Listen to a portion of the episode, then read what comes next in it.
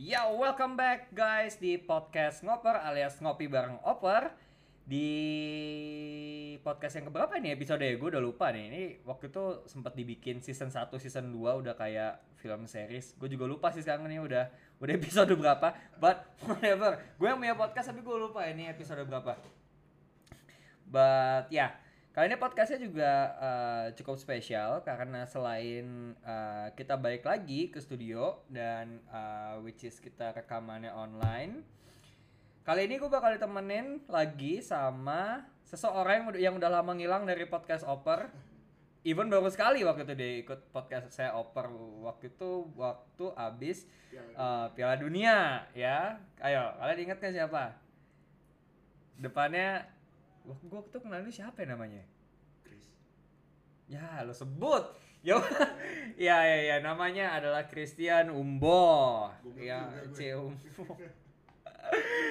ya, eh, Christian Umbo ya, Bung Bung lagi gak tuh? Formal banget Christian Umbo. Selamat datang kembali di Buncis. podcast Buncis. Selamat datang kembali di podcast over Christian. My pleasure. My pleasure. Oke. Kangen nggak ini eh, Wah, udah lama ngobrol- nih gue pengen ngobrol nih sebenarnya nih. Oh, iya. Banyak banget nih hal-hal musim ini yang pengen gue obrolin. apa tuh apa tuh ah yang yang yang membuat lo ya oh, saya yang Kayaknya yang udah jadi rahasia umum. Semua orang pengen bahas Ajax musim ini. Hmm. Oh, iya, gue lagi minum. Ada Ajax Hmm. di Liga Champions. Lo mau bahas Ajax Liga Champions apa di Eredivisie nih ke mana habis mereka menang 9-0? Well, general sih.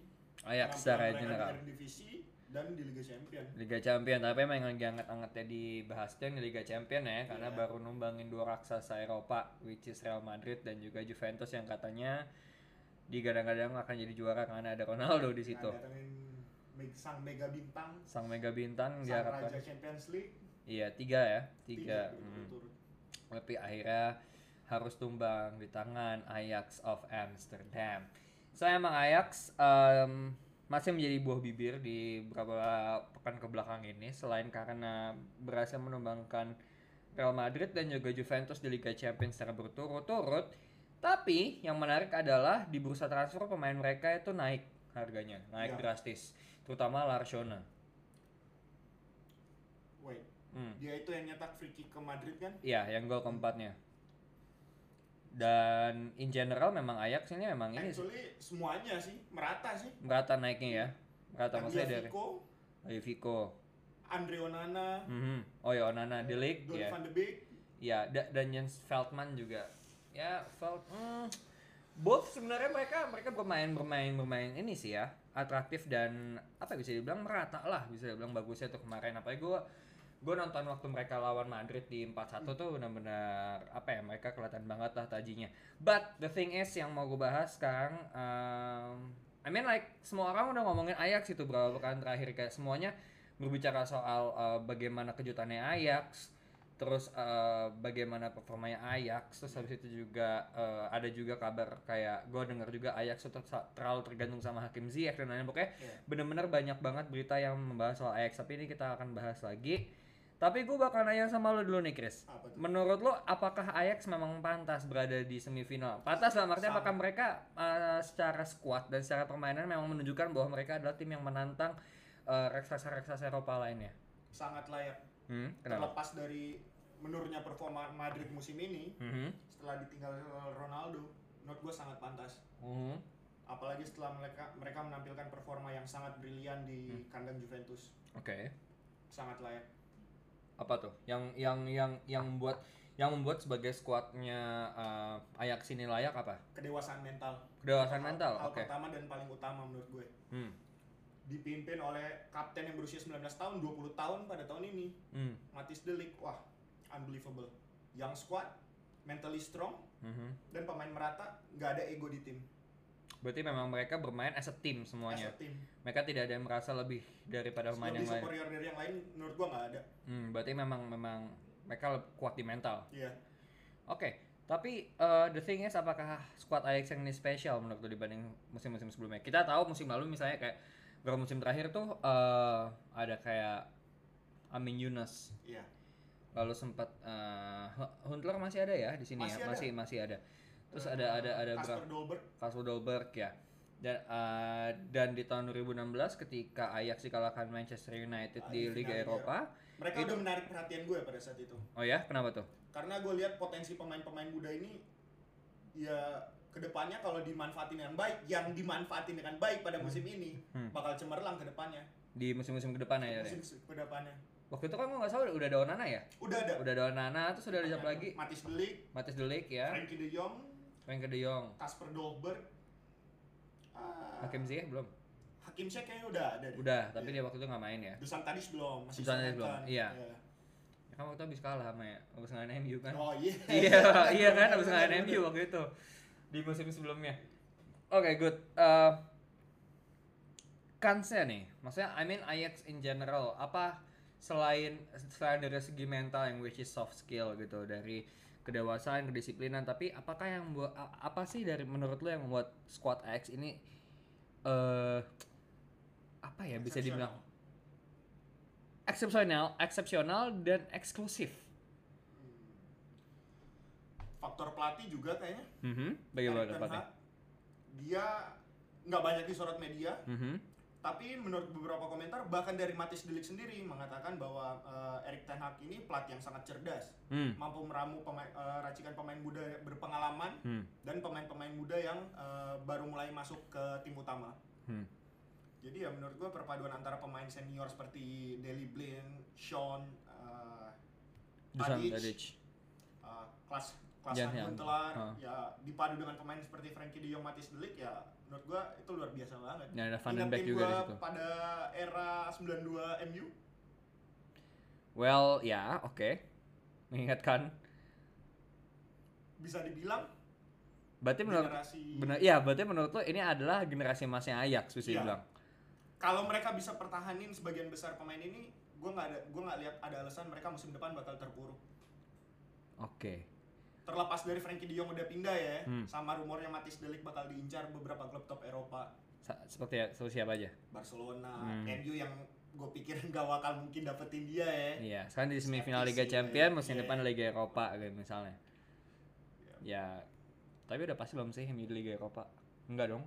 Dua laga lagi. Iya, ya, kalau Chelsea kalah-kalah gitu terus Arsenal juga kalah-kalah bisa aja. Let's see. Let's see. Tapi ya itu kayaknya mission impossible juga untuk seorang Ole Gunnar. So, tapi lu ingat gak sih skuadnya Ajax yang waktu masih ada Christian Eriksen? coba lu coba itu compare. fantastis sih. Iya, coba coba kenapa baru sekarang gitu? Apakah karena musim ini juga di apa juga banyak sekali tim-tim papan atas yang lagi turun performanya atau bagaimana? Terlepas dari itu, gue emang lihat terlepas dari Madrid musim ini menurun eh, performanya atau enggak ya, Hmm. gue tetap lihat Ajax lebih layak buat masuk di semifinal ini. Oke. Karena emang mereka menunjukkan kedewasaan mental di lapangan maupun di luar lapangan. Hmm. Nggak banyak show off di sosmed, Hmm. dan eh, cara memimpinnya Matis Delik dan Frankie De Jong Hmm. di atas lapangan menurut gue itu udah menunjukkan kedewasaan mental mereka dan eh, pelatih Erik Ten Hag yang seperti yang dibilang Delik tadi nggak Hmm. banyak diekspos media tapi mampu me- meredam ego-ego pemain-pemain muda yang baru naik dari level akademi ke tim utama nggak banyak ngomong tapi berkonsentrasi pada hasil ya. Iya. Di situlah eh, apa namanya spesialnya Ajax. Oke, by the way kita udah ngomongin Ajax dan kita udah bicara apa yang membuat Ajax spesial tapi tadi lu juga sempat bilang bahwa performa Real Madrid menurun. Apakah Menurun. Real Madrid aja ya yang yang musim ini menurun sehingga ada tim-tim eh, bisa dibilang tim kuda hitam bisa naik. Well, gue nggak akan bilang Ajax kuda gimana ya. Di, di awal mungkin kelihatannya kayak kuda hitam, tapi makin ke sini kita makin bisa lihat kualitasnya gitu. Iya, Maksudnya iya. tim tim yang tidak kita diunggulkan lah. Nggak ada yang prediksi dia mungkin Iya, iya, eh, tim-tim yang tidak oddsnya kecil oddsnya kecil. Iya. Ya, bisa bisa bisa uh, melenggang kangkung sampai semifinal gitu. Jadi kita jadi ingat juga waktu tahun 2016 Leicester bisa juara Liga Iya. Inggris. Itu juga ditandai dengan turunnya performa Arsenal, Liverpool, Iya. City dan United pada saat itu. Apakah ini apa uh, ada tren yang sama di Liga Champions? beberapa klub besar menurut gua menurut eh, performanya sudah nggak bagus musim ini Mhm. selain Madrid Eh, City walaupun mereka masih di puncak klasemen pada saat ini menurut gua nggak se-eksepsional musim lalu. Ya.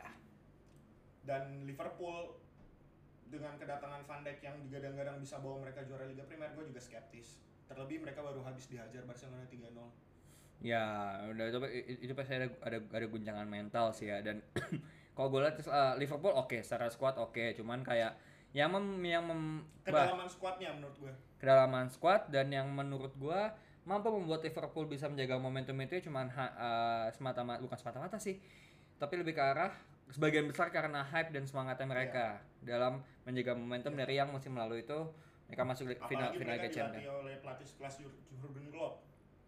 Ya oke. Maestro sih tapi ya kita akan bahas Jurgen Klopp di lain waktu deh gitu. Tapi tadi barusan gue baru ngomong tadi kayak tadi gue ngomongin gue kasihan ngeliat Jur- Jurgen Klopp di Liverpool ya. Ya lo tadi ngomong. Ih, kasihan ya. Ya, tapi whatever. Nah, tapi eh di satu sisi dia ma Ay, dia lagi Ajax kemarin baru berhasil menang di eh, lawan eh, di White Hart Lane melawan eh enggak White. dong stadion baru dong Spurs Eh, bukannya White Hart Lane ya? Bukan Ma- apa sih namanya? Ih, gua tuh kalau Tottenham pasti ingatnya White Hart Lane. Gua nggak pernah, gua bahkan waktu mereka di Wembley pun, waktu mereka di Wembley pun, gua bakal gua tetap ngomongnya White Hart Lane. Apa namanya? Tuh, White Hart Lane. enggak enggak dong Apa? hmm. Emang udah jadi? udah Udah pakai ya? stadion baru Tottenham Hotspur Stadium namanya. Oke, ya. Di Tottenham Hotspur Stadium. Agak aneh kok gua, kok gua nggak yakin ya? Sebentar. Eh, di mana ini? yakini dong Yakinin dong. Di mana ini? Ya, oke deh. Tottenham Hotspur Stadium. Nah, away goal yang sangat penting untuk Ajax, ya. Tidak di tidak Spurs nyetak gol Ya, dan Spurs juga tidak mencetak gol. Eh, gue tadi saat kita debat soal namanya Tottenham Hotspur, gue juga jadi lupa gue mau ngebahas apa. Oh, absennya Heung-min Son. Ya kalau Harry Kane kita tahu mereka dia Dia cedera, cedera, gitu ya. dan Son juga dapat akumulasi kartu. Nah, sebegitu signifikankah peran Son? Son Hmm. menurut gua sangat penting musim ini Hmm. Padahal mereka juga mereka juga punya pemain sekelas Lu- Lukas Moura di situ dan Eriksen. gue selalu sekali. Gue selalu menganggap Lucas Moura itu pemain dulu Hmm. back to 2012 gue selalu menganggap Lucas Moura ini pemain potensial Hmm. yang sayangnya nggak bisa menjaga potensi itu Hmm. untuk jadi pemain hebat bagus tapi kurang konsisten Bagus tapi kurang konsisten kasusnya sama kayak Memphis di United mungkin ya. sangat mungkin sangat Mirip ya, Mirip, mirip mirip. mirip mirip. Jadi hmm, gue nggak tahu apakah Son bakal bisa bermain di leg kedua atau enggak. Tapi menurut lo dengan kondisi seperti ini apakah masih 50-50 atau Ajax sudah bisa dibilang eh, spiritnya sudah sudah stabil? momentum ada di Ajax Aha. tapi Spurs masih bisa comeback Hmm. Kenapa? dengan semangat Poch apalagi dengan stadion yang baru mereka eh, Mereka udah kalah di dalam stadion baru. Kenapa? Mereka udah kalah di stadion baru, bos. ya udah kalah. Udah kalah di stadion baru. tapi momentumnya lagi bagus. Nah, Eh, yang menurut gue Son apalagi mereka musim panas kemarin nggak beli siapa-siapa? Hmm. musim Januari eh, di bursa transfer Januari juga nggak beli siapa-siapa ya. Gua rasa coach udah nekenin ke pemainnya. Bilang kita harus kasih sesuatu ke fans. Apalagi kita punya stadion baru. Dia harus buat pemain-pemain itu yakin bahwa mereka itu pemain penting di tim. Hmm. Hmm. itu menurut gua kedewasaan mental seorang coach Pochettino iya, betul. tanpa membeli pem- satu orang pemain pun mampu konsisten di papan atas Liga Inggris dan masuk semifinal Liga Champions menyingkirkan juara Premier League musim lalu dan hampir bisa dipastikan mereka uh, akan berlaga di, Di Liga Liga Champions Champions lagi musim, musim depan. ya. Well, uh, ya kita tunggu aja sih ini kita uh, bakal bakal kayak gimana, bakal seru banget dan uh, verdict hasil akhir ya Ajax Tottenham 2-1 buat Ajax 2-1 buat Ajax. Iya. Berarti agregat 3-1. 3-1 Oke, Ajax akan ke final. Dan Menurut- kemungkinan ketemu Barcelona Barcelona. Oke, gue juga nggak nggak nggak kami ngomong, gue juga dari awal ngarepin Barcelona ke final dan ketemu Ajax sebenarnya. Oke, good. Eh kita udah ngomongin Ajax, udah ngomongin Liga Champions, Ajax, dan kita udah ngomongin Liga Champions juga. Eh di segmen berikutnya kita akan berbicara soal sepak bola nasional, ya. Yang ternyata hari ini Indonesia baru saja mendapatkan ketua PSSI baru meskipun statusnya masih PLT. Yaitu siapa? Iwan Budianto Iwan Budianto. Kita akan membahas nggak cuman Bapak Iwan Budiantonya aja, tapi juga em, PSSI in general PSSI in general dan juga liga yang katanya akan tetap bergulir pada Sea Games pada SEA Games nanti di Manila. Oke, jangan ke mana-mana guys. See you in a minute. Ya,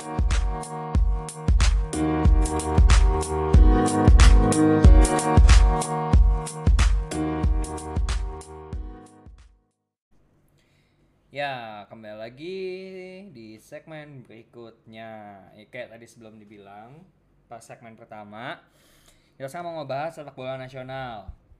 Tadi kita udah kasih kisi-kisinya, kok gue kayak marah gitu ya ngomongnya? Kita gini nih, kan? Kayak Kira, bapak guru marahin anak-anak iya bang, SD karena gitu loh. Kalian mau ngerjain PR kan? Nggak. Oke. Cringe banget anjir. Ya udah. kita mau ngebahas sepak bola nasional. Tadi kita udah mau eh, kasih kisi-kisinya which is kita mau ngebahas soal PSSI, Iwan Budianto. Budianto dan juga isunya bahwa liga akan tetap bergulir Pas Mas- games. saat SEA Games. Nah. Nah, sekarang salah satu dulu deh. Iwan Budianto. Kita kemarin setelah kehilangan Joko Driono memang posisinya eh, ketua umum PSSI itu lagi si Iwan iya maksudnya kosong. kosong kosong. Dan eh, kemarin pas KLB katanya dia nggak mereka nggak nentuin nggak belum belum memutuskan ketum baru. nggak memutuskan ket- ketum baru sampai Januari 2020. 20 ya. Oke, sekarang eh, the problem is em, liga berjalan kapan mulainya? April bulan ini seharusnya katanya Mei, sesudah, pre- sesudah pilpres tapi Ah. diundur lagi. Diundur lagi. Iya, Berarti bulan Juni kira-kira. ya kurang lebih Mei Habis pertengahan. Setelah lebaran berarti. Harusnya sih setelah lebaran ya. Setelah Dan lebaran. kondisi pemain kan pada prima. Hmm, ya betul. Gue setuju kalau itu. Dan em, the problem is ketika liga berjalan di bulan Juni, Juni, Juli, Agustus, September, Oktober, November. Kita baru masuk ke bulan kelima eh, kompetisi Benar. saat SEA Games. SEA Games kan November. November. huh. Nah, eh maksud gue gini, kemarin aja waktu liga nggak jalan di bulan Maret, kita menuai hasil yang nggak maksimal gitu loh. Iya, waktu AFC AFC, AFC Under 23. Under 23. Iya. Nah, em, dan SEA Games ini kan juga kebanyakan pemain Under 23 ya Iya. yang dipanggil dan kemungkinan juga bakal sama atau gimana? Komposisi pemainnya sih seharusnya sama ya. Seharusnya nggak nggak nggak jauh beda. nggak dirombak besar-besaran. Mm-mm. Nah, tapi masalahnya tuh banyak juga uh, pemain-pemain yang di under 23 ini, under 23 ini menjadi pemain kunci sih di Iya, di klubnya di klub dan menurut lo bakal ganggu nggak jam latihannya untuk SEA Games dan di untuk uh, tim eh untuk uh, klubnya? Menurut gua tergantung kebesaran hati klubnya sih. Kalau untuk kepentingan timnas ya menurut gua mereka harus rela pemain Hmm. pemain pemain pemain ini dibiarkan untuk fokus di timnas lebih dulu Jadi- buat eh, bawa hasil yang maksimal Jadi-. Jadi libur dari klubnya dilamain gitu ya, lebih Iya. lama ya. Tapi berkilah pada pada hasil kita di AFC U23 Iya. itu mengecewakan. Ya. Sangat sangat nasional. Apalagi tim yang dibawa untuk AFC U23 itu adalah tim yang sama waktu kita menang di AFF U20. 20 ya. Oke lah, apa namanya kita eh, ada perbedaan umur. Di podcast yang sebelumnya kita juga ngebahas soal pada dasarnya itu soal kedisiplinan dan soal mental. Iya. Di podcast eh, oper yang sebelumnya waktu kita kita juga ngebahas. Nah, tapi berkilah pada hasil kita libur pun hasilnya nggak maksimal. Iya. Bagaimana ketika masih Kompetisi liga berjalan. berjalan? Ha-ha. Menurut lu gimana? Kalau menurut gua mereka harus eh, ngadain TC jauh sebelum SEA Games sih. Mhm. Jadi pemain-pemain itu udah difokusin buat fokus di timnas selama beberapa bulan ditempa mentalnya, fisiknya segala macem biar bisa padu sama rekan-rekan yang lain walaupun mereka udah pernah main sebelumnya Hmm, karena banyak banget yang harus diperbaiki apa aja tuh? pemain. segi mental teknis dan segala macem ya menurut gue itu apalagi mental ya Indra Syafri bakal balik lagi nanganin atau enggak? harusnya sih masih Coach Indra karena menurut gue pergantian pela- pergantian pelatih mendekati kompetisi itu sangat riskan dan ya Iya dan biasanya bawa ha- hasil buruk. Kita pernah udah pernah lihat eh, Julian Lo- Lopetegui tiba-tiba diganti sama Hero. Dan hasilnya? Dan hasilnya ya oke lah tembus tembus waktu itu ke eh, dengan- walaupun dengan cara yang nggak meyakinkan. Mm-mm, dengan cara yang tidak meyakinkan. Ya eh kita masih harus nunggu sampai Januari 2020 untuk dapat eh apa namanya ketua umum PSSI yang Siapa? baru yang permanen bukan permanen sih yang yang resminya lah gitu. Tapi satu hal gue tadi juga baru baca soal si Iwan Budianto ini ternyata dia juga pernah eh dia juga sekarang lagi terjerat kasus. Kasus apa tuh? Dia terjerat kasus eh, yang belum diproses ketika dia masih menjadi ketua Badan Liga Amatir Indonesia. Hmm. BLAI dia menerima uh, sejumlah uang suap. Dicurigai menerima karena ada aliran dana dan itu pun juga menyeret beberapa petinggi-petinggi klub yang lain seperti uh, let's say mm, Madura United waktu itu juga uh, manajer Madura United Haruna Sumitra itu dan juga uh, pada saat itu Haruna menjabat sebagai pangdanya PSSI Jawa Timur. Apakah uh, kasus-kasus seperti ini uh, berpengaruh banyak terhadap performa timnas kita secara general? Secara Ka- langsung mungkin enggak. Tapi, kan secara birokrasi, secara apa? Maksudnya dari kayak luar tapi mengganggu menurut gue sangat-sangat mengganggu gimana? terlebih dari ketua umum PSSI PSSI kita sebelumnya yang dalam tanda kutip banyak masalah Hmm. Joko Driono dan Pak Edi Rahmayadi yang Mhm. sekarang menjabat gubernur Sumut ya Mhm. menurut gue itu riskan tapi ya daripada posisi PSSI ketum PSSI sekarang kosong ya harus diisi dan mungkin mereka merasa Iwan orang yang tepat untuk mengisi posisi itu Dan mungkin untuk selama menurut gue ya Hmm. pribadi selama masih proses hukum masih berjalan ya guilt is not guilty until proven kan It's not guilty until proven ya betul. Dan pada dasarnya pada dasarnya apakah eh, gimana ya? Tapi sebenarnya harapan lu sendiri ya harapan lu sendiri ketika ketika kita udah punya eh, PLT PSSI gitu. Apa nih yang bisa diharapkan dari dari dari eh, birokrasi yang sekarang sampai kita punya eh ketua umum PSSI yang baru tapi dan kongres luar biasa baru dibikin tahun 2020. Aduh, Ya. kok- iya iya iya iya iya. Terus lanjut lanjut. lanjut. ya menurut gue ya Iya iya iya iya. kita jangan terlalu fokus lah ke bagi gue pribadi ini opini gue ya Mhm. kita masih terlalu fokus ke Sorry guys lagi snapgram. jadi fokus ini Rama ini lagi ke distracted guys iya sama- iya. Edo soalnya ada Edo. Oh ya guys, sorry.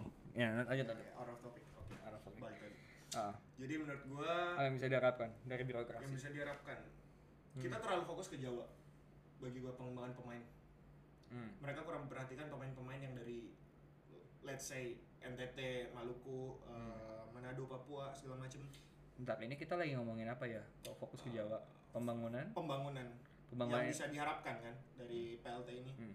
Ya menurut gua itu Hmm. itu hal utama. Kasihlah mereka lapangan latihan. Apa gunanya kita ada dana di PSSI kalau nggak Hmm. bisa dipergunakan untuk mengembangkan pemain muda? Hmm. Kita lihat pemain-pemain muda di Inggris. Hmm. Itu mereka dari kecil 3-4 tahun udah dia udah masuk tim akademi. Hmm. Tapi Kenapa kan- kita nggak bisa kayak gitu? Kasihlah mereka lapangan latihan yang layak. Bantu mereka dengan pelatih-pelatih yang berkualitas. Sekolahin pelatih-pelatih kita, kasih seperti contohnya coach Janur dulu sampai Hmm. Jojo ke Inter Milan dibantu oleh uh, Pak Erick Thohir segala macam. Ya, biarkan mereka yang nimba ilmu sebulan, dua bulan, tiga bulan. Gue rasa itu Beri- penting banget. berilah kesempatan bagi anak-anak bangsa yang memang mau menempuh pendidikan sepak bola baik sebagai pelatih Iya. maupun pemain gitu se secepat mungkin dan tapi menurut menurut lo nih gua gua kan sebenarnya sedikit skeptis ya dengan ketika sebuah kepala sebuah kepala organisasi membuat sebuah kebijakan dan program akan bisa diteruskan dengan- jika jika uh, berganti Hmm. gitu kan menurut lo ketika tadi si Iwan itu Pak Iwan um, membuat apa ya blueprint lah Iya. blueprint kebijakan yang seperti lo bilang apakah mampu diteruskan oleh ketua umum PSSI yang selanjutnya? Gue gak bakal bilang mampu dulu. Tapi seharusnya gambarannya di di kepala ketum yang baru itu Hmm. har- udah harus ada. Dia harus lihat tinggal menyempurnakan berarti? See the bigger picture sih. Hmm. karena ini penting banget. Kita kita kita ingin merubah se- persep- mata publik kepada persepak bola nasional. Dan menurut gua bisa dimulai dari hal-hal kayak gitu. Kasih kesempatan pemain-pemain kita yang ada di timur di mana segala macam. Jangan hanya fokus di satu pulau saja. Hmm. menurut gue itu penting kasihlah pelatih pelatih itu eh, apa namanya pergi ke luar negeri sebulan dua bulan ke tim-tim yang nggak usah tim-tim gede yang penting kasih lihat mereka ke sepak bola negara maju kayak Jerman Belanda segala macam Nah, kalau misalnya kayak di Nekbreda atau di Herenveen dan lain-lain lah bisa dibilang. Oke, itu masih jangka panjang banget. Tapi gue berharap apa yang lu bilang bisa terrealisasikan sih dan dan dan tidak cuman Amin dan gue harap harus sih harus.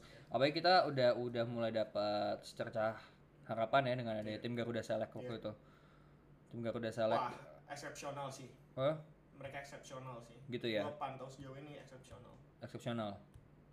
Puas kah? jangan makanya itu itu hal penting mental mereka jangan sampai keganggu Jangan sampai cepet jangan puas. sampai merasa mereka merasa oh kita udah hebat kita udah latihan di Inggris nih Hmm. kita udah dilatih pelatih kelas Des Walker Hmm. dan uh, siapa tuh mantan kapten Chelsea yang gelandang ah gue lupa Lampard, no no no no Des Walker sama udah oke Steve lah. Holland, no bukan oke. Alright, ya kita kita kita kita lihat aja nanti ke depannya seperti apa ya. Sorry keputus. Tapi yang jelas kita harapkan bahwa ke depannya eh, dengan adanya PLT ini mengisi kekosongan program-program yang bisa belum bisa direalisasikan Kan bisa di sebelum sebelumnya Heeh, bisa di inilah ya bisa Iya. dilanjutkan lagi. Alright, good point. Eh, dan ya, thank you juga udah berbagi ide dan bukan berbagi ide sih, berbagi opini dan juga berbagi eh, ya sudut pandang lah perspektif dan semoga ini juga bisa eh, podcast ini episode ini juga bisa eh, memberi wawasan baru deh di eh, dunia sepak bola kalian. Oke, eh, thank you guys yang udah eh, dengerin podcast kita selama kurang lebih setengah jam terakhir. Ikuti terus podcast kita eh, ngoper alias kopi bareng oper di @operofficial di eh, sorry operofficial Indonesia di Spotify atau kalian kalau yang mau komen atau yang mau ikutan podcast bisa hubungi kita via Instagram di @operofficial. Oke, kalau kayak gitu mungkin kita akan kembali lagi di hari Selasa di waktu yang berbeda juga. Dan ya, enjoy the podcast. Eh, kalau gitu gue Rama, gue Chris kita undur diri dulu. Good night everybody.